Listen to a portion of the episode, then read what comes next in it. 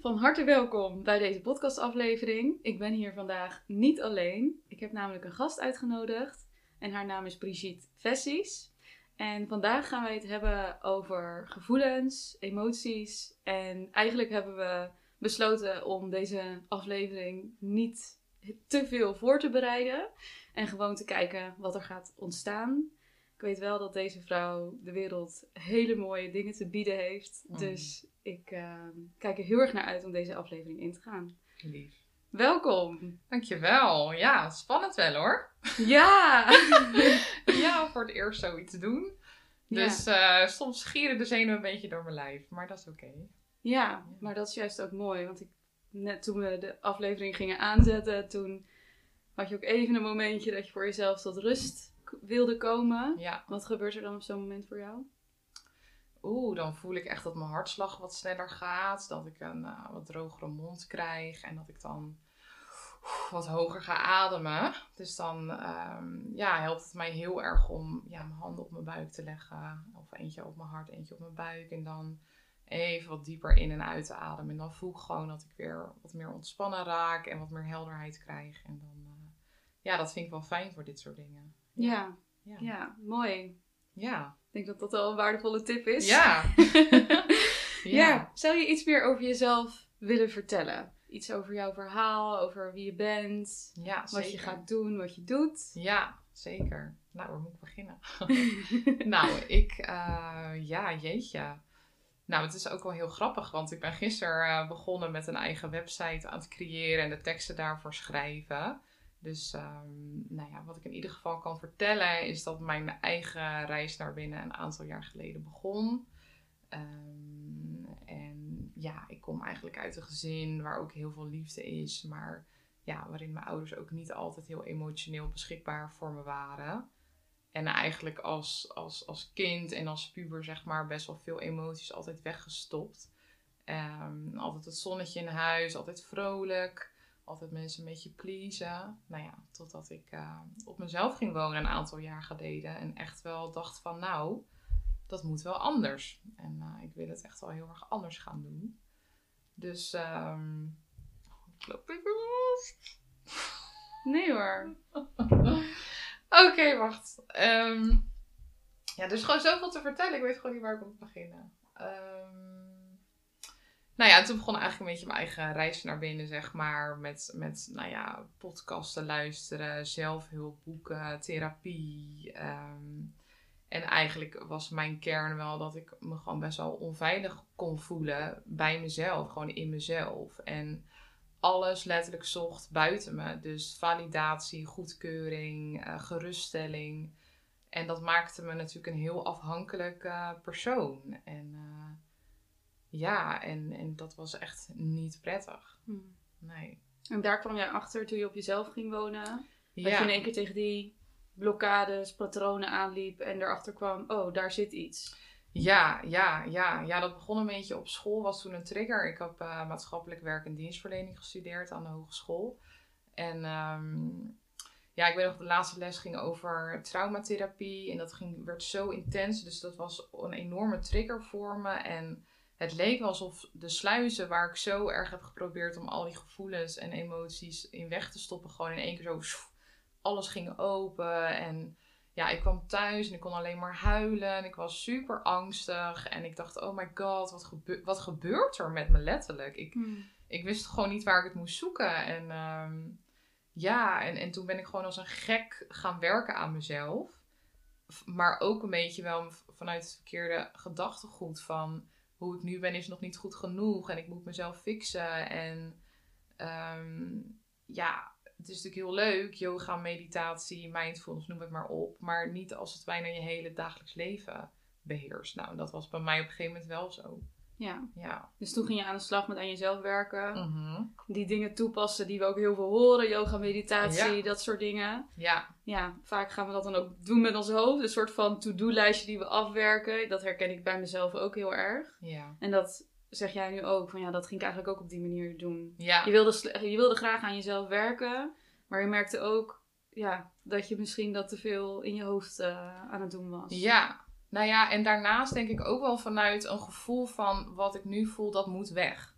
Oh ja. En dat was constant zo. Dus, dus als ik bijvoorbeeld negatieve gedachten had of ik, of ik voelde me niet prettig, ja, dan moest ik als de wiede weer aan het werk, want dat moest wel weg. Want ik moest me goed voelen. Dus ik streefde een soort continu naar, ik moet me goed voelen, ik moet blij in gedachten hebben, ik moet eh, alles onder controle hebben. Ja, en dat was gewoon in die fase in mijn leven niet zo. Mhm. En achteraf gezien niet meer als normaal eigenlijk. Ehm, omdat ik natuurlijk alles altijd heb weggestopt. Dus dat kwam er gewoon uit. Maar ja, als die, als die fundering in mezelf, qua veiligheid, qua hè, dat, het, dat het dat kon opvangen letterlijk, Mhm. dat miste gewoon. Dus, dus je kan je, ik voelde me soms letterlijk alsof ik ja, een meisje was van tien, die oprecht op een onbewoond eiland was gedropt van ga het maar uitzoeken alleen. Zeg maar, ja, en als ik er nu over praat, merk ik ook dat het me ergens raakt. Dat ik denk, joh, ja, het was echt wel pittig. Ja. Ja, En hoe lang geleden is dit? Hoe oud was je toen? Ehm, ik denk een jaar of, ja, even, nadenken hoor. Ik woon hier nu ruim 2,5 jaar. Ja, ik denk bijna 4, 5 jaar geleden. Oké. Ja, dus ik was toen een jaar of 21, 22, zoiets. Ja. En toen, ja, je hebt eigenlijk, wat je zei aan het begin, in je jeugd heb je veel gevoelens, emoties weggestopt Ja. als een manier om jezelf te beschermen. Ja, En toen ging je op jezelf wonen, kwam je erachter, oh, ik heb misschien wel heel veel weggestopt. ja, En met die, eh met je opleiding, zei je, ja. toen kwam dat in één keer allemaal naar voren. Ja, dat was En- wel de trigger, ja. Ja. En toen moest je eigenlijk met die emoties omgaan. Ja, Tenminste, ja, er, er- ja, je werd een soort van gedwongen om met die emoties te gaan Ja. dealen. het was er. De slice Ja. was opengebroken. Dus eh, ja, Ja, Kijk, maar, kijk maar even wat je daarmee doet. oké. ja. Ja, en hoe was dat toen helemaal aan het begin voor je? Dus als je kijkt naar, ik denk altijd, ja, we hebben een bepaalde relatie met emoties, een Ja. relatie met gevoelens. Ja, Jij zei, ik heb het eigenlijk altijd weggestopt, oftewel een relatie van, ik wil daar niks mee te maken hebben. ja, En toen was je eigenlijk gedwongen om er wel naar te gaan kijken. zeker. En wat zijn toen voor jou ja, de eerste stappen die je daarin bent gaan zetten?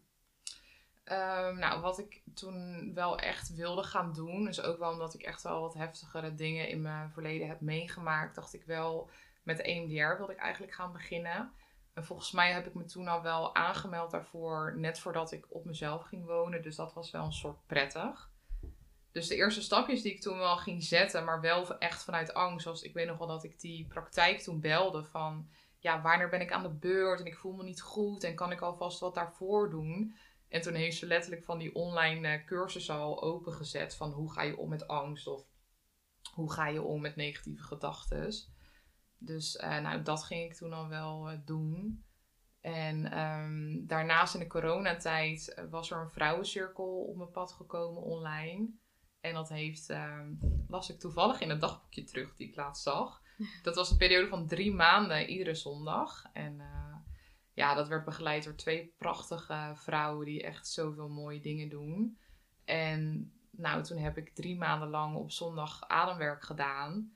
En ehm, dat ken je volgens mij toen. Dat heb je wel, heb je wel eens gedaan of wat? Ja? Ja. breathwork bedoel je Ja, daarmee, breathwork, ja. Ja, precies. Ja. En ik vergeet nooit meer, het was natuurlijk allemaal online, want ja, coronatijd, dus ja, we konden ik nergens eh, afspreken. Dat ik in mijn bed lag ehm, en ik ging mijn eerste ademsessie doen. En ik was echt, ik had gewoon echt paniek. Dat ik dacht, oh my god, ik durf niet. En wat ga ik Hmm. tegenkomen? En ja, ik, ik, durfde, ik durfde gewoon niet contact te maken met, met wat, dat wat er zat. Want ik wist gewoon, ik voelde gewoon, er zit echt heel veel. Oké. En, eh, maar ik, ja, super dankbaar dat, dat die twee vrouwen daar waren om ons te begeleiden. En de camera stond aan. Dus ja, dat was heel veilig voor mij om dat, eh, daar stapjes in te zetten. Ja. En eh, nou ja, toen ben ik EMDR gaan doen. Maar ik merkte eigenlijk dat dat, dat het niet helemaal op dat moment eigenlijk passend was voor mij. En dat heeft er vooral mee te maken dat er eigenlijk zoveel gevoelens ehm, omhoog kwamen. Omdat, ja, ga maar eens naar die heftige herinneringen. Er komen natuurlijk ook al die gevoelens en emoties en herinneringen omhoog. En kijk, natuurlijk is de bedoeling van EMDR dat, dat die lading dan minder wordt. Ik ben geen EMDR-specialist, maar goed, dit weet ik er dan van. Ehm, Tuurlijk, weet je, dus dat gebeurde misschien wel op die specifieke herinneringen waar ik EMDR van kreeg. Maar dat maakte, of dat nam nog niet weg dat ik alsnog heel veel ja, oude pijn gewoon voelde Mhm. op dat moment. En ehm, ja, deze hulpverlener die gaf me toen ook niet helemaal goed het gevoel dat ze me daarin kon dragen. Of dat ze wist wat ze daarmee moest doen. En ik snap dat wel, want ik was natuurlijk echt wel gewoon bang van, oh, maar, maar ik voel dit en wat moet ik dan? Weet je, en ze gaf echt van die, van die tips dat ik denk, ik heb daar echt precies niks aan. Mhm. En toen ben ik uit mezelf, vergeet ik ook nooit meer dat ik op het strand lag. En ik dacht, ja, ik moet gewoon echt naar een haptotherapeut. Want ja, die is natuurlijk veel meer gericht op hè, je veilig voelen in jezelf. En weer leren voelen en, en dat stuk. En toen heb ik uit mezelf eh, die praktijk gebeld. En ehm, ja, daar loop ik nog steeds soms. Ja, Ja. ja. soms een paar maanden niet. En eh, dat is prima. Maar ja, dus daar heb ik... Ik weet nog dat ik daar gewoon eerst bijna niet op mijn eigen benen kon staan. Zo, zo heftig was het. Dat ik me gewoon zo... Zoveel voelde. Dat was gewoon dat ik... Ja, ik... Niet dat ik gek was of zo, maar ik voelde echt dat ik denk... Nou, ik was mezelf gewoon kwijt. Zeg maar de Brit die altijd maar vrolijk en blij was. Ik, ik was dat niet meer. Dus Mhm. ik, ik voelde me een soort vreemde in, me, in mezelf. Ja. En ehm, ja, dus daar echt stapje voor stapje ja, daar wel mooie dingen kunnen bereiken. Ja. Mhm. Ik vind het aan de ene kant ook wel een interessante wat je daar zegt. Ik, ik was mezelf kwijt. Oftewel de versie die je was voordat je eigenlijk in contact stond met die gevoelens Mhm. misschien ook. Wat je had beschouwd als dit ben ik. Juist. Ja, het, ja, dat zeg je mooi. Ik, ik zie dat altijd een beetje zo alsof je... Ja, door de dingen die je meemaakt, doe je een soort, elke keer een soort beschermjasje aan. Van, hey, nou weet je, dan ga je bijvoorbeeld pleasen. Of je gaat heel hard werken. Of je wilt de controle op alles behouden om maar niet te voelen. Ja, en, en, en dat pleasen en zo. Ja, weet je, ik woonde op mezelf. Dus wie had ik te pleasen? Ja. ja. Dus, dus heel veel ruis, dat viel ook weg. Dus dat zeg je mooi, ja. Want, en ik was wie ik dacht te zijn, dat was niet meer zo. Mhm. Maar ja, lastig uit te leggen hoor. Ja, En dat is heel spannend, want je, je stapt in iets onbekends. Je hebt heel, Heel lang een bepaalde versie van jezelf dat je dacht, oké, dat, dat ben ik. ja, Waarbij je eigenlijk heel veel jassen had aangetrokken. ja, om jezelf te beschermen, om niet te voelen. Dat breathwork, dat was voor jou het eerste punt waarop je eh, misschien ook het gevoel kreeg... Ik heb altijd controle gehad en nu ga ik ja, breathwork doen en ik weet niet precies wat er gaat gebeuren. Nee. Dat was heel spannend. heel spannend. ja. Ja, want dan verlies je eigenlijk de controle, Mhm. als het ware. ja, En, ehm, nou ja, en daarna zeg je, eh, toen kwam je er eigenlijk achter. Ik heb, ben heel lang, heb ik mezelf op een bepaalde manier voorgedaan. Dat ben ik nu op dit moment niet. En ik kom ook moeilijk naar die versie terug, want Ja. die sluizen zijn nu open. ja, Ja. ja, En toen moest je gaan leren zijn met de kennis en de ervaring die je toen ging krijgen. Met dus Ja. die gevoelens en die emoties. ja. En wat, ehm, hoe was dat eh, op dat punt voor jou? Dus als je kijkt naar, ja, je, je moest die emoties en die gevoelens gaan toelaten. Ehm, hoe was dat toen? Oh, heel spannend. Heel spannend. En Ja. ik, ik kon ook, ik durfde ook bijna niet alleen te zijn. Ehm, en in die tijd woonde ik echt op mezelf. Het was een soort tijdelijke huurwoning. En mijn vriend, waarmee ik nu nog steeds een relatie heb, die woonde schuin tegenover mij eh, bij zijn vader in.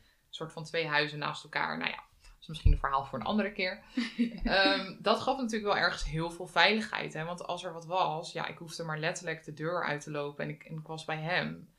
Maar ik, er waren ook momenten dat hij, ja, weet je, hij sliep niet zeven nachten in de week bij mij en ik niet zeven nachten in de week bij hem. Dus er waren ook momenten dat mijn vriend zei van, joh, ik ga naar huis en ik slaap daar vanavond. Nou, dat ik echt een uur, anderhalf uur gewoon huilbuien had van dat ik het zo spannend vond om alleen te zijn. En dat, dat ik toen uiteindelijk wel eens mijn vriend echt belde, dat ik zo van slag was. En eh, dat hij kwam en dat hij zei, ja, ik wil gewoon dat je me eerder belt als je zo erbij zit. Want dat is niet oké, weet je. Ik wil niet dat je dat dan alleen eh, draagt. En in die tijd was mijn zus heel veel bij me. Dus dat, eh, ja, ik, ja ik, ik wilde gewoon altijd samen met iemand zijn. En als ik alleen was, dan, ja, wat gebeurde er dan? Het was een soort van, alsof ik continu wilde vluchten, maar ik kon niet vluchten, zeg maar. Ik voelde me gewoon zo slecht. En ik, ik denk niet depressief of zo. Het was niet dat ik dus niks voelde of iets. Maar ik voelde me vooral heel angstig. Ik denk dat dat het, dat het was. Dus, dus er was heel veel oude pijn. Mhm. En dat bestond vooral uit angst en verdriet. Toch wel. Boosheid ook wel. Dus een beetje die drie emoties. Ehm, maar er kwam een soort angst voor de angst. Mhm. Dus er was heel veel, maar ik was er bang voor. Dus het was, het was alsof ik continu in een soort loop raakte met mezelf. Van, oh, dit mag ik niet voelen, dit kan ik niet voelen, dit is gevaarlijk, dit is niet goed, dit, is, dit moet weg. Mhm. Ehm, ja, dus, dus de manier waarin ik dacht dat goed dan zou zijn. Eh, dus bijvoorbeeld dan maar breathwork gaan doen, dan maar wandelen, dan maar wandelmeditatie, dan schrijven. Weet je, nou, noem het maar op wat voor tools we allemaal, mooie tools we overigens allemaal hebben. Maar daarmee gaat de pijn niet weg. Nee. Ja, het, eh, misschien wel hè. Kijk, bij die breathwork kon ik natuurlijk wel wat ontladingsoefeningen doen. Tuurlijk werd het wat zachter. Mhm. Maar dat zei echt niet dat, het de hele, dat ik me daarna de hele dag door goed voelde. Nee, dat was niet zo. Nee. Nee. Nee, en dat is natuurlijk ook een groot iets wat denk veel mensen herkennen. Het gevoel hebben dat je je altijd goed moet voelen. Dat Ja. het altijd maar oké met je moet gaan. Dat is ook wat de buitenwereld heel erg laat zien. Oh, hoe gaat het met je? Ja, goed. Ik vind dat altijd een lastige vraag. Ja, Die wordt gesteld. Zo'n automatische reactie. Hey, hoe is het? ja, ja. vind ik altijd een beetje dat je daar. ehm, ja, eh, het is mooi om het aan iemand te vragen, maar waarschijnlijk vaak wordt niet oprecht, eh, oprecht die vraag gesteld. Nee. Maar waardoor wel het gevoel gecreëerd kan worden van: oh, iedereen voelt zich altijd helemaal fantastisch en goed. Ja, en dan kom ik met mijn met mijn ellende. Ja. ja, ja. Ja, dus jij kwam daar ook mee in aanraking voor jezelf dat. eh, nou, het maskertje van je altijd goed voelen, dat is eigenlijk niet zo. En je moest die veiligheid in jezelf gaan vinden. Want Ja. je zocht nu heel erg die veiligheid buiten jezelf. En eh, dat hielp je tot op, tot op een bepaald punt. En je zocht ook de veiligheid in de tools die je ging inzetten. Ja. Maar uiteindelijk ja, moest je ook die veiligheid voor jezelf gaan creëren. ja, klopt. Ja. Wat zijn daarin voor jou... Ja, ja, hoe kwam je uiteindelijk op dat punt om eh, die veiligheid in jezelf wat meer te gaan creëren? Hoe zie jij Ja, dat? mooie vraag. Ja, nou, ik denk wel ehm, heel hard op, eh, op je mond gaan vallen, zeg maar. Dus het is echt, ja, hele harde lessen waren het. En ik, ik denk ook wel dat mensen die echt heel dicht bij me stonden, hele mooie spiegels daarin hebben gegeven. Dus wat ik net vertelde over dat, eh, die vrouwencirkel op zondag. Op een gegeven moment, ehm, nou ja, mijn vriend en ik, die vinden het allebei heel erg fijn om ook op zondag rustig aan te doen. Lekker te ontbijten met elkaar. Nou, dat misschien wel meer mensen. Het is zondag, hè, dat doe je rustig aan. Maar ja, ik had elke zondag had ik een planning en hup vroeg eruit. En ik weet nog wel dat hij toen, ja, ik had hem echt nog nooit zien huilen. En hij kwam echt huilend naar me toe van, weet je Brit, ja, wat ben je aan het doen? Weet je, ik, ik heb gewoon een beetje het gevoel dat je jezelf hierin kwijtraakt. En Hmm. dat we gewoon geen tijd meer echt met elkaar eh, spenderen. En dat vind ik jammer. En ja, dat was voor mij wel echt zo'n besef die me eventjes uit, uit het keiharde werken aan mezelf trok. Van ja, maar wacht even. Het dagelijks leven vindt letterlijk voor mijn neus plaats. Maar ik zie het niet meer, want ik ben alleen maar bezig met mezelf fixen. Dus het was een soort ja, obsessie bijna geworden. Waardoor ik alle mooie dingen gewoon niet meer kon zien met hem. En ja, dat was een hele mooie spiegel. Ehm, Wat besefte je daardoor? Nou, ja, dat ik mezelf eigenlijk gewoon bijna niks meer gunde. Dus ik, ik gunde mezelf bijna niet meer gewoon een rustig ontbijt. Ik gunde mezelf bijna niet meer ehm, om de dagelijkse dingen gewoon te doen met aandacht. Omdat ik alleen maar bezig was met, ik moet mezelf fixen. Hm. En ik voel me niet goed. En ik moet zorgen dat ik als de wiede weer, weer de oude Brit ben. Hè? De Brit die zich leuk, eh, ja, leuk is, geïnteresseerd, vrolijk is. En daar was ik gewoon als een, als een, als een maniac was ik daarmee bezig. En ehm, ja, dat deed me heel veel dat hij dat toen tegen mij zei. Maar dat, ga, dat neemt natuurlijk niet weg dat je dan opeens dat allemaal niet meer doet. Nee. Dus op jouw vraag terugkomend van ja, hoe ben ik daar uiteindelijk gerecht, terechtgekomen? Nou, ook wel eh, door die haptotherapie heb ik heel erg kunnen voelen letterlijk. Ehm, ja, hier kan ik echt nog een uur over praten. Dus ik ga proberen om het een beetje ehm, eh, beknopt en duidelijk uit te leggen. Maar ehm, kon ik zeg maar de verschillende delen in mezelf voelen die om aandacht vroegen. Dus, dus, dus, dus er is zeg maar in iedereen, dat geloof ik heel erg, en, en noem het hoe je het wil noemen, maar een klein meisje. Of een kleine jongen, of oude pijn, of nee, het maakt niet zoveel uit hoe je het noemt.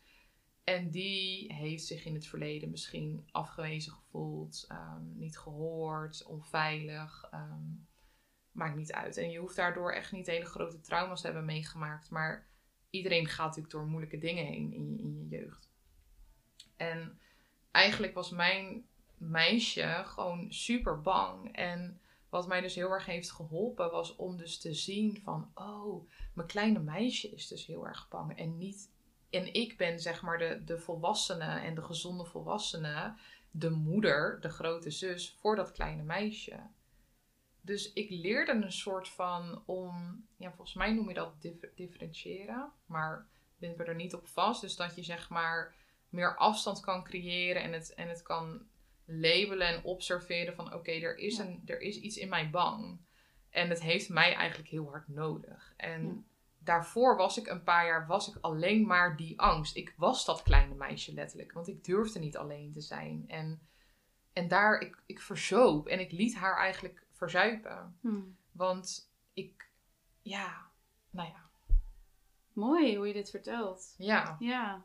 Ja, je leerde eigenlijk afstand nemen van die gevoelens, van die, misschien die gedachten ook die daarbij kwamen kijken. En je ging het mhm. zien als, dat is afkomstig van dat kleine meisje. Mhm. En ik ben de volwassene. Ja. En ik kan haar ook helpen. Alleen had je haar in die periode daartussen misschien niet datgene gegeven waar ze wel al die tijd al om vroeg. Nee omdat het ook heel spannend was dat het kleine meisje in één keer er was. Ja, ja.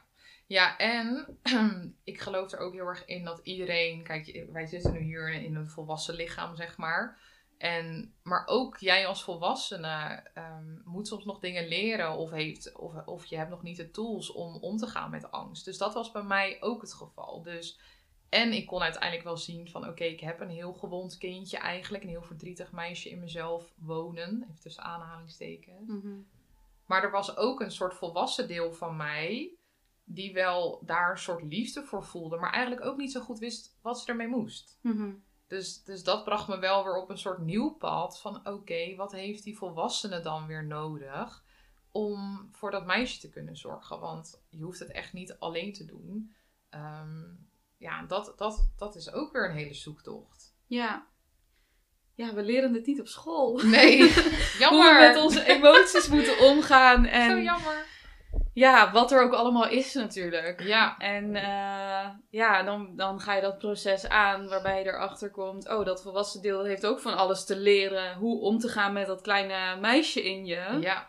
En wat zijn voor jou daarin uh, bepaalde tools geweest die je hebben geholpen? Um, ik denk, tenminste, ik hoorde je net al natuurlijk een aantal dingen zeggen. Misschien mm ook die dingen op een andere manier inzetten. Ik herken het voor mezelf. Ik gebruik ook heel veel schrijven. Maar oh, als je nog blijft schrijven vanuit jezelf mee identificeren, dan merk ik ook dat, ja, dat het lastig is om, om uh, er nou echt, ja, hoe zeg je dat? ja, echt afstand van te nemen, zeg maar. Want dan blijf je denken, oh, dat is wie ik ben, dat is hoe ik denk. Terwijl als je, wat, waar ik wel eens gebruik van maak, is mezelf onderscheiden van de inner critic. Hmm. En op die manier die twee stemmetjes van, oh, dit is mijn inner critic, wat heb ik daar voor liefdevols tegen te zeggen, zeg maar. Wat zijn voor jou dingen die jou daarin hielpen? Nou, nou, ik denk wel dat je daar iets heel belangrijks in zegt. Want ehm, nou ja, zeg maar, kijk, ik, ik zie het echt zo van, hè, je hebt dus een, een, een, een, een kwetsbaar deel in jezelf. Nou, dat kan bijvoorbeeld hè, dat innerlijke meisje zijn, als we het even die woorden blijven gebruiken. En dan heb je inderdaad een soort gezonde volwassene, die staat daar dan boven. En dan heb je aan de ene kant ook nog een kritische ouder, dus noem dat bijvoorbeeld je innerlijke criticus. En ook nog je bescherming, dus, dus, dus die beschermjassen waar ik net over had. Hè. Dus die wil eigenlijk dat kleine meisje beschermen. Uh, dus die gaat bijvoorbeeld dan heel hard werken, die gaat dan pleasen, hè, die gaat zich aanpassen, dat soort dingen. Dus voor mij ging het er echt om dat heel helder te gaan zien van oké, wat, wat gebeurt er in mezelf en wie is er nu eigenlijk, wie zit er nu achter het stuur? Ehm, En daarnaast, wat voor mij een hele mooie tool is geweest, zijn innerlijk kindmeditaties. Want dat, dat kind in jou en die pijn in jou, die wil eigenlijk gezien worden. En die wil, die wil erkenning. Die wil eigenlijk van jou horen van, ik zie dat je bang bent. Ik zie dat je verdrietig bent en ik snap dat je verdrietig bent. En die wil eigenlijk ook permissie, nou, toestemming om verdrietig te mogen zijn. En dat heeft bij mij echt ja, heel veel verandering teweeggebracht. Want eerst zei ik dus letterlijk alleen maar tegen dat meisje: je mag niet bang zijn, je moet, hè, je moet uh, sterk zijn. Dus ik was heel kritisch. Dus ik zat echt in die kritische ouder constant tegen dat meisje te praten. Waardoor dat meisje natuurlijk nog banger werd. Die dacht alleen maar: oh my god, wat is er mis met mij? En hmm. ben ik ziek of zo? Weet je wel, help. En die werd nog banger, letterlijk. Dus.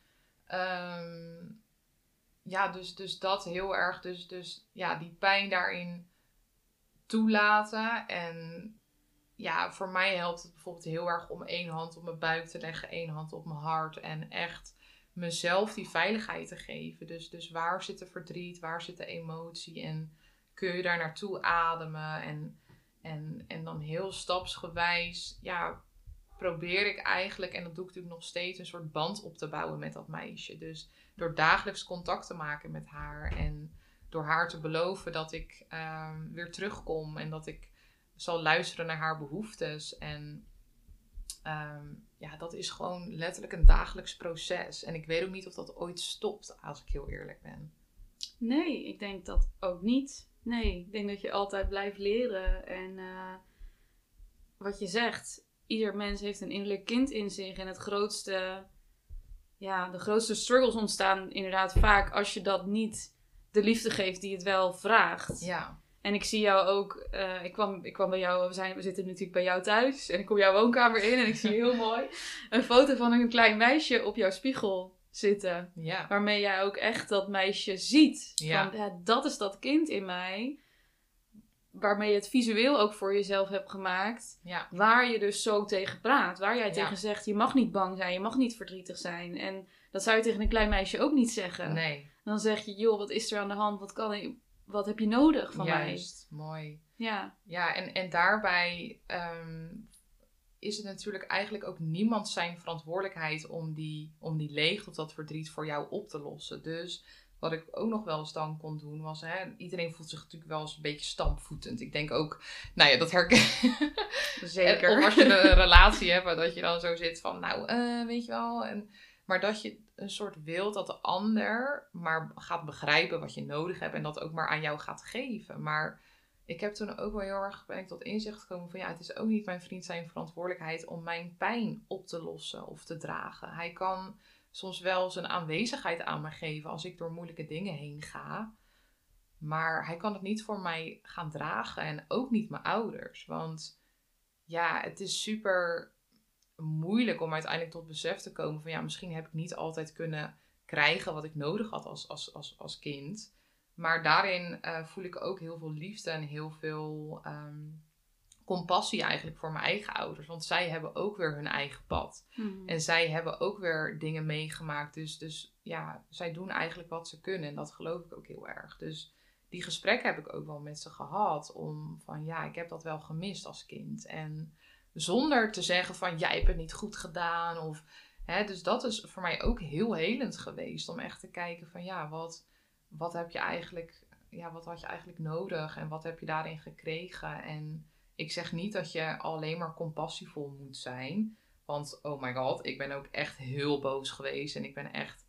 Ehm, maar ik heb wel geprobeerd om dat los van mijn ouders door dat proces heen te gaan. Want als ik naar hen toe was gegaan van jullie hebben dit niet goed gedaan en dat niet goed gedaan. Ja, dan zie ik dat echt als een destructief gesprek en niet een constructief gesprek. Want wat ga je eruit halen? Mm Zij gaan dan ook alleen maar in hun bescherming zitten en voelen zich niet goed genoeg. Dus weet je, dat heeft geen zin. Nee. Nee, dan kom je eigenlijk in een soort drama-driehoek terecht. Waarbij de ene de ander de schuld blijft ja, geven. De en de ander... Ja, ja. Ja, ja, inderdaad die. Dus mooi hoe je eigenlijk kwam opdagen van hoe dingen voor jou waren geweest. Juist. Ja, dus ik voelde me zo en ik had eigenlijk dit nodig. En ik geef jullie niet de schuld, maar ik wil nu wel dat duidelijk maken. Ik heb, ik heb zelf dit gesprek ook een keer gehad met mijn vader. En dat is oh. inderdaad heel helend ook. Uh, ook geweest om dat op die manier te doen. Mooi. En Niet makkelijk. Nee. En wat vond je er niet makkelijk aan? Wil je daar iets over delen? Ehm, nou, het was vooral voor mijn vader moeilijk. Hmm. Dus eh, die kant van mij, die kende hij niet. En ineens kwam ik vanuit die kant opdagen en gaf ik ook aan hem wat ik op dat moment te zeggen had. En ik merkte ook dat hij op dat moment niet echt een respons terug kon geven.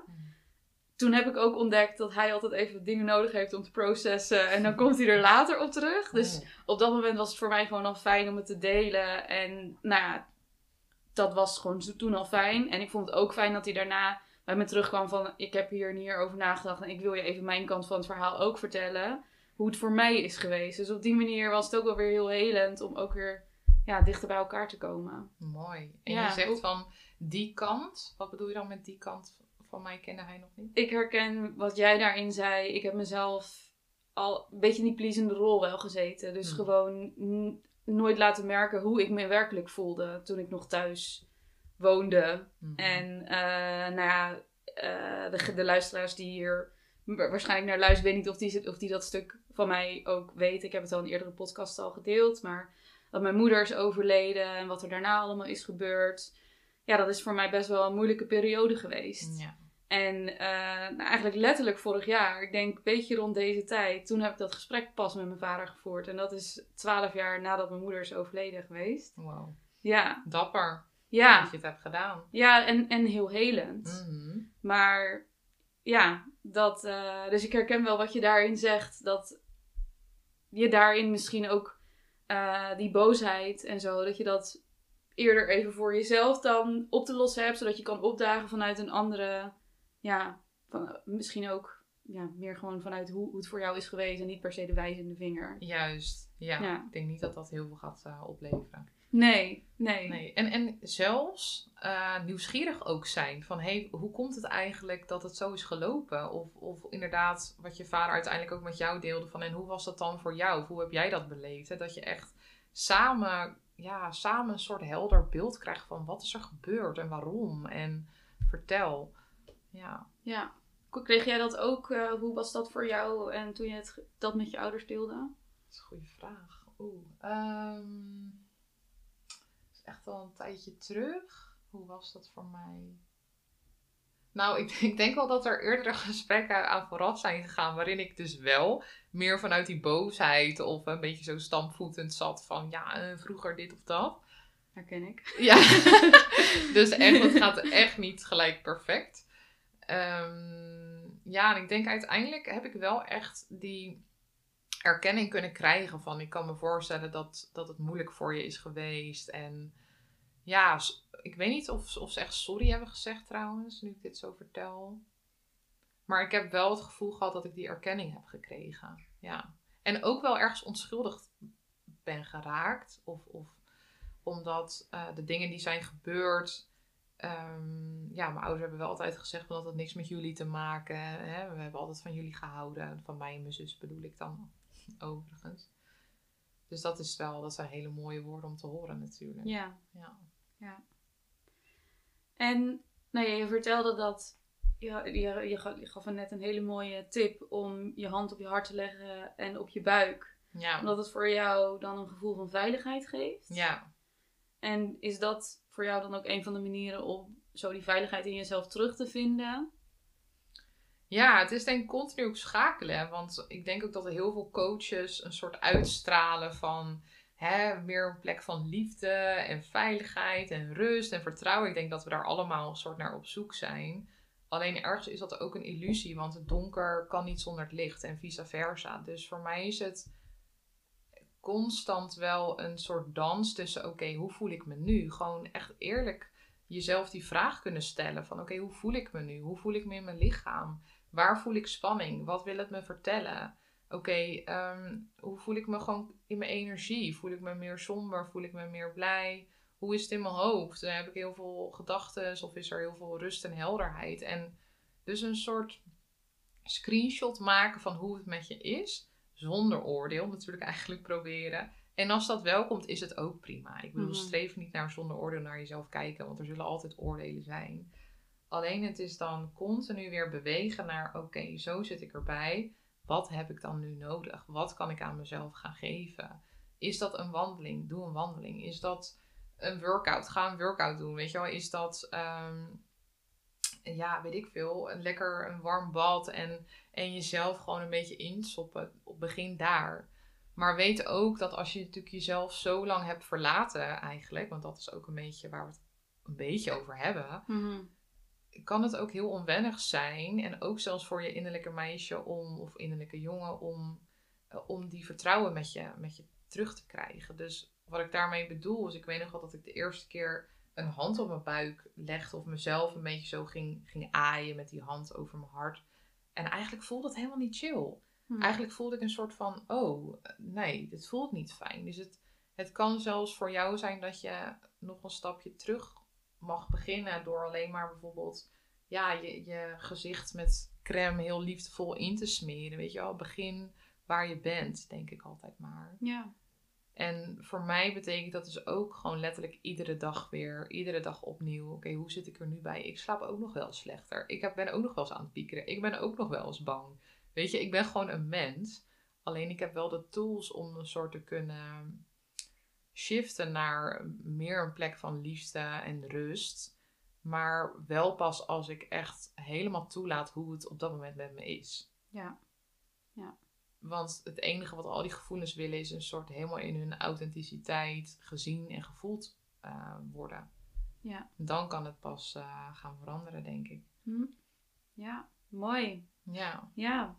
En ehm, ik vind het ook wel mooi dat je zei, begin waar je bent. Ja. Want zeker, ja, mensen die nog helemaal aan het begin staan, dan kan zoiets zijn als leg een hand op je buik en op je hart. Kan er zoiets zijn van, "Huh, ja, ik weet niet zo goed Ja. wat ik dan... Dus dat vind ik wel een hele mooie, dat je daar aangeeft van begin waar je bent. Begin echt super klein. Ik Ja. weet dat voor mij bijvoorbeeld inderdaad eh, een beetje mijn hand kriebelen met mijn nagels, eh, zo. Dat, dat werkt voor mij ook wel fijn. Dat Mooi. ook weer kan helpen om mijn hoofd weer terug in mijn lichaam ook een beetje te komen. Ja. Ehm, maar vaak, ja, soms verwachten we dat, dat we dat wat iemand anders al doet dan ook in één keer kunnen. Maar we vergeten dat die ander ook die stapjes heeft moeten zetten en ook door weerstand is gegaan om dat uiteindelijk te doen. Dus aan het begin Ja. is dat oncomfortabel. Ja. Weet je dat nog van jezelf, zeg maar, dat je dat oncomfortabel vond om, nou ja, die gedachten, die emoties, ja, dat hebben we natuurlijk heel erg over gehad. Dat vond je spannend. Ja. Dat, was,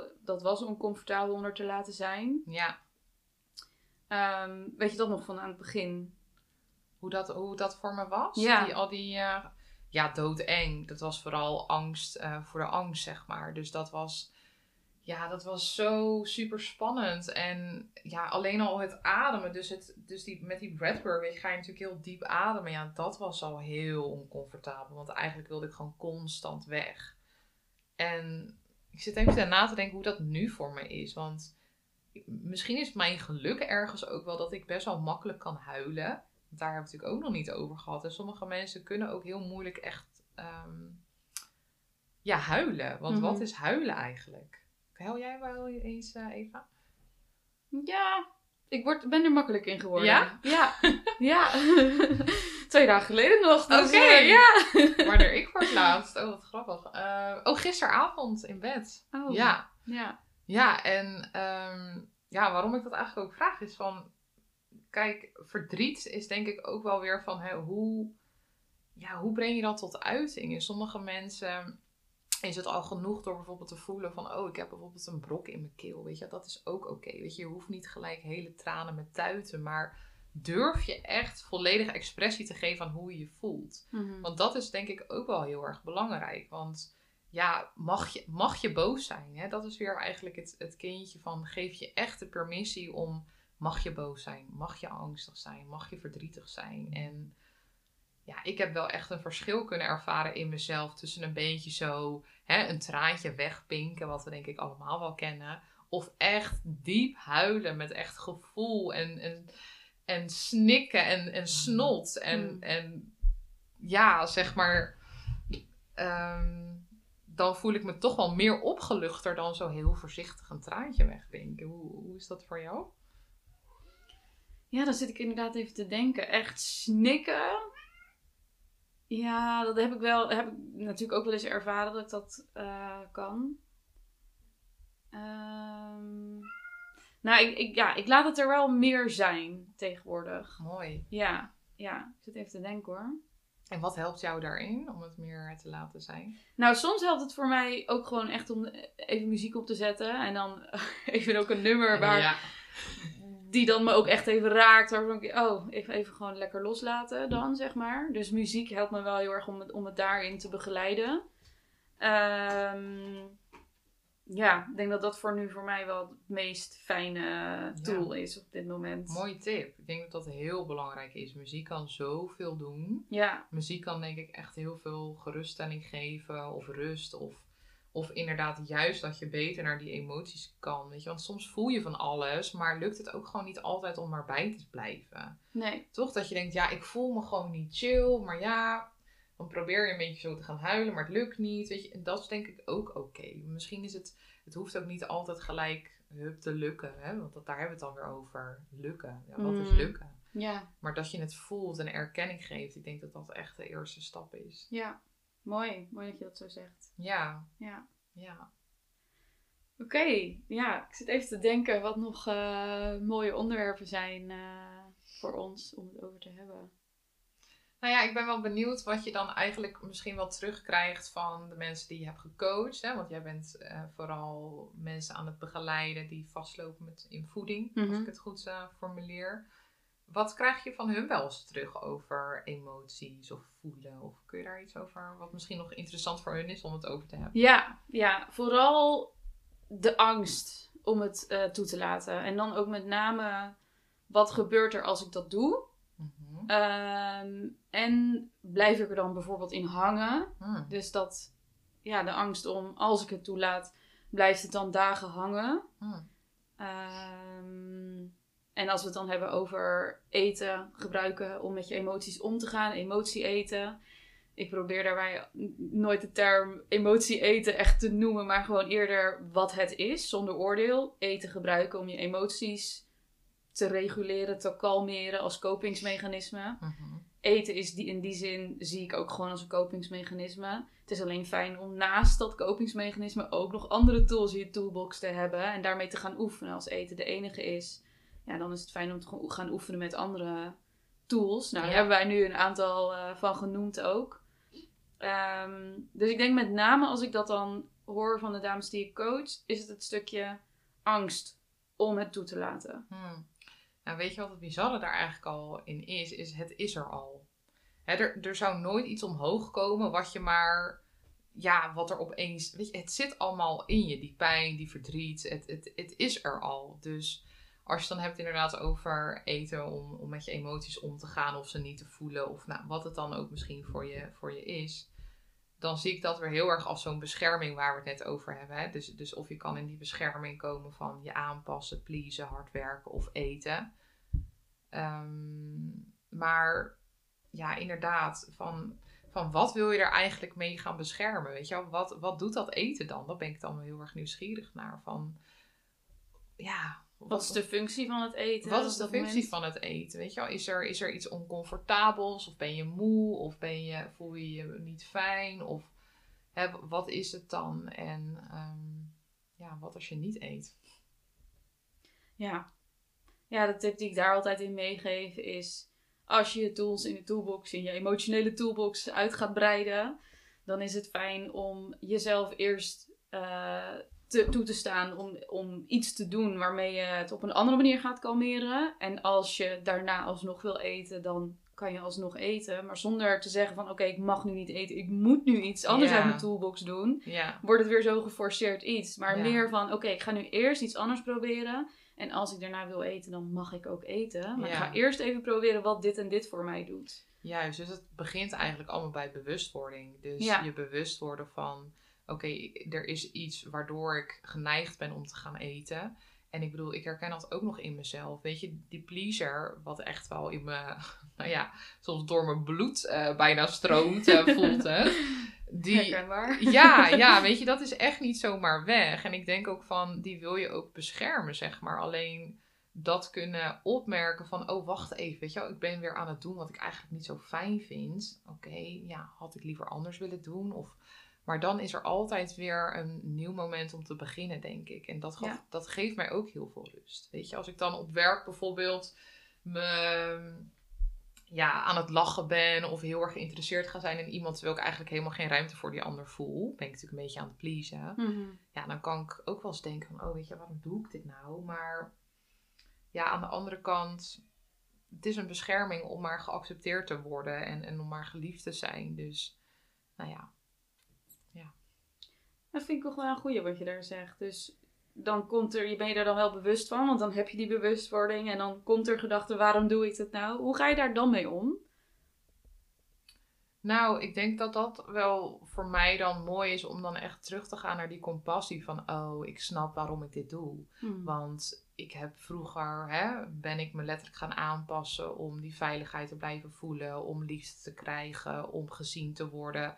Dus logisch dat ik dat nu ook nog doe, maar het helpt me niet meer. Het is niet meer nodig. Ja. Ik ben goed zoals ik ben, weet je wel. Ik ben, ja, ik ben een goed mens en dus ook wel weer die compassie dan geven aan jezelf en ook wel die begrip van, oké, ik snap eigenlijk waarom ik dit doe, want jeetje, wat is het spannend om echt helemaal ook te kunnen zeggen tegen een collega van... joh, ik heb eigenlijk even geen ruimte voor je.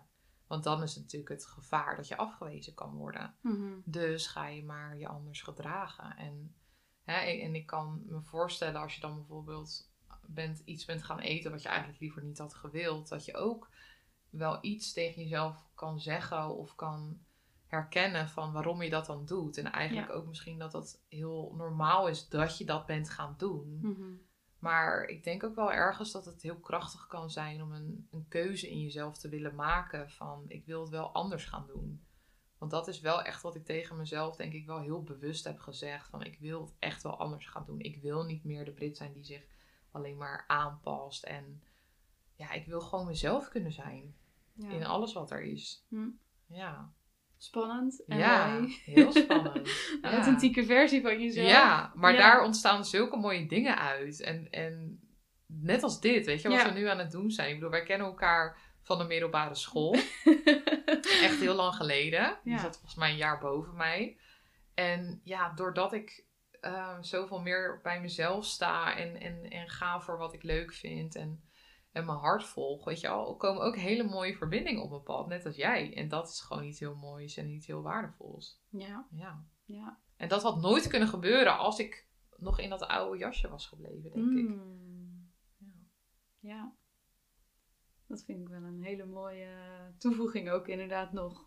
Ja. Ja, we zijn soms bang om dat oude vertrouwde los te laten, maar wat kan er allemaal op je pad komen en wat voor mooie dingen kunnen daaruit volgen? ja. Ja. Dat kunnen we ons soms dan ook vaak nog niet voorstellen. Nee, dat Dus- denk ik ook. Ja. Maar het is wel, denk ik, als je echt ja, wat meer die jasjes durft uit te doen en dus wat, wat dichter dan ook bij je behoeftes en bij je verlangens komt, dan denk ik dat je zo'n rijk leven kan gaan creëren voor jezelf. En dan heb ik het echt niet gelijk over manifesteren of iets, maar iedere dag al iets doen wat je leuk vindt. Iedere dag al aandacht geven aan iets waar je blij van wordt. Weet je? En, en als je dat iedere dag doet, ja, dan geeft je dan ook iedere dag blijkbaar, denk ik, een goed gevoel. En als je iedere dag al een beetje beter voelt, nou moet je nagaan waar je over een jaar staat, weet je. Ja. Dus ja, ja. probeer Mooi. ik ook te doen. Ja, ja, ik ook. Ja, hoe fijn is dat? Ja, ja. hey, en jij hebt een opleiding gedaan. Ja, ja, Kan je daar iets over vertellen? ja, zeker. Nou, ik heb dus allereerst die eh, maatschappelijk werk en dienstverlening opleiding gedaan op de Hogeschool in Leiden. En daar werk ik nu nog steeds vanuit in een wijkteam, in een jeugdteam. Dus ehm, ja, ik begeleid op dit moment ouders, kinderen, jongeren met hele lichte of hele zware vragen. Dus dat vind ik eh, nog wel heel erg leuk om te doen. Maar ik merkte wel dat ik miste het stukje lichamelijk ook met, met deze mensen aan de slag gaan. Dus en het stukje diepgang daarin. En ehm, toen ben ik de Holistic Movement methode gaan eh, volgen van Dennis Miltenburg. Misschien nou, voor sommigen wel bekend. En die heb ik afgelopen jaar afgerond. Nou, super, ehm, super waardevol. Ook heel intens. Want eerst ga je natuurlijk zelf al die bewegingsmethodes op jezelf toepassen. Dus dat is eigenlijk wat, het, wat daarvoor staat. Het is een hele holistische kijk op je, op je mens zijn. Dus het gaat heel erg in op je mentale, emotionele, fysieke en spirituele toestand. En hoe dat met elkaar samenhangt. En hoe je eventuele blokkades daarin kan, ehm, ja, kan gaan loslaten. Mhm. En dan met behulp van bewegingsmethodes. Dus eh, allerlei oefeningen. Dus eh, nou, dat is heel erg leuk. En eh, momenteel ben ik eh, bezig om daar een eigen website te creëren. Dat dat ook echt eh, nou ja, mensen een sessie kunnen boeken. En daarin wil ik ook heel graag iets van vrouwencirkels gaan organiseren. Om echt bijvoorbeeld iedere week een soort chakra ehm, ja, te gaan bespreken. En chakra klinkt misschien voor heel veel mensen misschien heel, heel spiriwiri. Maar het is eigenlijk niet meer als een soort centrum in je lichaam waar, hè, wat, waar energie stroomt. En nou, hoe voelt dat bij jou? En nou, daar allerlei mooie thema's eh, op door vertellen. Hmm. En ik heb me eergisteren aangemeld voor de ademcoachopleiding. Wauw. Ja, ja. Superleuk. Ja, ook heel spannend weer. Maar ik voel gewoon zo dat dat mijn pad is. En ik word daar zo blij van. En het heeft mij zoveel gebracht. En ik denk dat in combinatie te kunnen aanbieden met... ehm, ja, ik ben ook mindfulness trainer. Heb ik een aantal jaar geleden opleiding Amsterdam gevolgd. Mhm. Dus dat in combinatie met, nou ja, die, die holistic movement eh, bewegingsmethode, zeg maar. En dan een ademsessie. Ja, ik denk dat dat zo magisch voor mensen kan zijn. Die, ja, die ook hun reis naar binnen willen, eh, willen gaan maken. En die dat super spannend vinden. En die ook gewoon voelen dat ze vastlopen. En ja, emotioneel of mentaal gezien, eh, ja, daar wel wat ondersteuning bij kan gebruiken. Ja. ja, en dan in combinatie natuurlijk met jouw eigen ervaring daarin. Ja, Waardoor jij ook precies kan weten, of in ieder geval veel ervaring hebt van hoe dat voor jou is. En ja, dat daardoor ook aan andere mensen mee kan geven en kan leren. Ja. En ja, je daarin in kan leven. Ja, ja en, ik, en ik was ook nog een hele mooie quote op de opleiding die ik echt heb geleerd van gun de ander pijn. Want Mm. hoe vaak willen we ook wel niet als iemand door iets moeilijke periode heen gaat, dat een soort overnemen. Of hoe vaak gaan we niet als iemand maar een beetje verdrietig is, gelijk eromheen hangen. Terwijl kun je ook die aanwezigheid geven als een ander door zijn pijn heen gaat. Want ik denk juist in al dat donker zit, zit, zit echt het licht. Alleen ja, durven we daarheen, zeg maar. En ik zeg ook altijd wel heel mooi van, weet je, ook mensen die eventueel geïnteresseerd raken, weet je wel, van ja, ik kan niet jouw innerlijk werk gaan doen. Dat kan ik niet. Dat kan jij ook niet voor je klanten. Weet je, je kan Nee. niet zorgen dat zij goed gaan eten of om kunnen gaan met hun. Dat moeten ze uiteindelijk zelf doen. Maar Mhm. ik denk wel dat jij en ik en hè, met ons nog heel veel andere coaches en hulpverleners wel ja, daarin een stukje kunnen ondersteunen en begeleiden. En ik denk dat dat super waardevol is. Ja, En wel op zo'n manier denk ik dat iemand het uiteindelijk zelf weer kan. ja, En niet in die afhankelijkheid komt. Want dat heb ik natuurlijk zelf ook ervaren hoe het is om je zo afhankelijk te voelen van mensen. En ik denk juist ja, dat ik wel heel graag zou willen dat iemand echt weer zelf gaat voelen van hé, hey, ik weet wat ik moet doen. Ik weet wat ik kan doen op het moment dat ik me niet goed voel. En ehm, ja, daarin gewoon heel vertrouwen krijgt in zichzelf. Want het is zo mooi als je dat echt gaat voelen. ja. Dan mag alles er zijn. Hè, want dan is het niet erg als je opstaat en je voelt je super depri of down. Of, of je hebt een, echt een hele slechte nacht gehad. Dan weet je gewoon van oké, ik kan dit dragen. Ja. En dat is denk ik eh, heel waardevol. ja, mega waardevol. Ja. Ja. En eh, daarover deel jij ook al veel op jouw Instagram. Ja. Waar kunnen mensen jou vinden? Nou, mijn Instagram inderdaad. Het heet op dit moment eh brit.reis naar binnen. En ja, daar ben ik gewoon allereerst ben ik dat, die pagina begonnen om mijn eigen reis naar binnen wat dingen over te delen. En dat begon dus op het moment dat ik op mezelf eh, ben gaan wonen, heb ik, die, ja, heb ik dat account aangemaakt. En die wil ik dus nu ook wel gaan gebruiken om echt aan te kondigen van nou, wanneer mijn website echt gelanceerd is, hoe ze dat zo mooi zeggen. Dus daar moet ik nog wel een beetje aan wennen hoor. Om dat echt mezelf daarin zo eh, ja, zichtbaar te maken. Maar ehm, nou ja, daar kunnen mensen me zeker al op volgen als ze Ja. geïnteresseerd zijn. Juist ook mooi om dat proces te laten zien en jouw leercurve daarin. Ja, nou dat zeg je mooi. Om Ja. eh, ja, steeds meer ook jezelf te laten zien. Want ik denk dat, dat dat is voor iedereen spannend. Vond ik ook altijd heel spannend. ja, Ik heb heel lang mijn Instagram eh, anoniem gehad Mhm. aan het begin.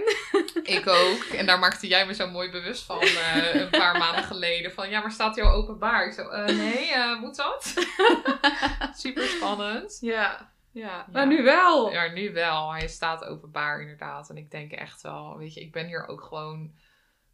Zo voelt het ook voor mij om ook de andere kant te laten zien. Want het is, het is echt niet allemaal leuk en het is echt niet allemaal makkelijk. Maar Nee. ehm, ja, ik vind het zo belangrijk dat dat ook zichtbaar wordt. Ja, ja, en dat vind ik ook echt heel, eh, heel mooi dat je dat laat zien. Ja, Dat je ook je. dan deelt wat jou op zo'n moment helpt. Ik zie jou wel eens dansen, ik zie je wel eens huilen, ik zie je Ja. wel eens, nou ja, echt door wel moeilijkere stukken heen gaan. Ja. En dat deel je echt als de versie die jij bent, ja. de authentieke versie die jij bent, de niet perfecte versie. Vooral dat. Daar begonnen we ook nog mee. Van, hè, we gaan eh, deze podcast nu opnemen voordat we de, de, de aflevering starten. En we willen dat eigenlijk doen zonder er helemaal perfect over nagedacht te hebben. Maar gewoon te zijn zoals we zijn. Ja, Ja, dus ehm, ja. ja, mensen kunnen jou gaan volgen. Ja, leuk. Ik ben benieuwd. Ja, en dan gaan ze, komen. ja, en dan gaan ze vanzelf zien wat er allemaal gaat komen. Ja, inderdaad. Ja. Heb jij nog iets wat je zou willen meegeven? Waar jij mee zou willen afsluiten? Een inzicht dat je wilt delen? Nou, ik denk, ja, ik vind het ook weer lekker cliché, maar ik denk toch wel gelijk die quote die bij me opkomt als je dat vraagt, is ook wel die van to feel is to heal. Dus Mm. dat het echt zo nodig is om eh, ja, te voelen, om te helen. Dus dat is wel eh, ja, waar ik eigenlijk mee wil afsluiten. Heel mooi. Ja. Ja. Nou, dankjewel. ja, jij bedankt. Ik vond het superleuk. Ja, Wie weet tot de volgende. inderdaad. Ja. Ja.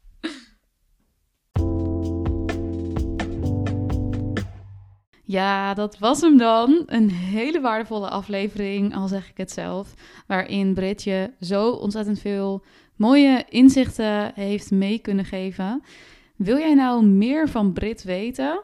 Ga haar dan eventjes volgen op haar Instagram, brit.reis naar binnen. Je kan ook even in de show notes een linkje vinden naar haar pagina. Want er gaan de komende tijd heel veel mooie dingen volgen. Dus hou dat in de gaten. En dan hoop ik je bij de volgende aflevering weer terug te mogen verwelkomen.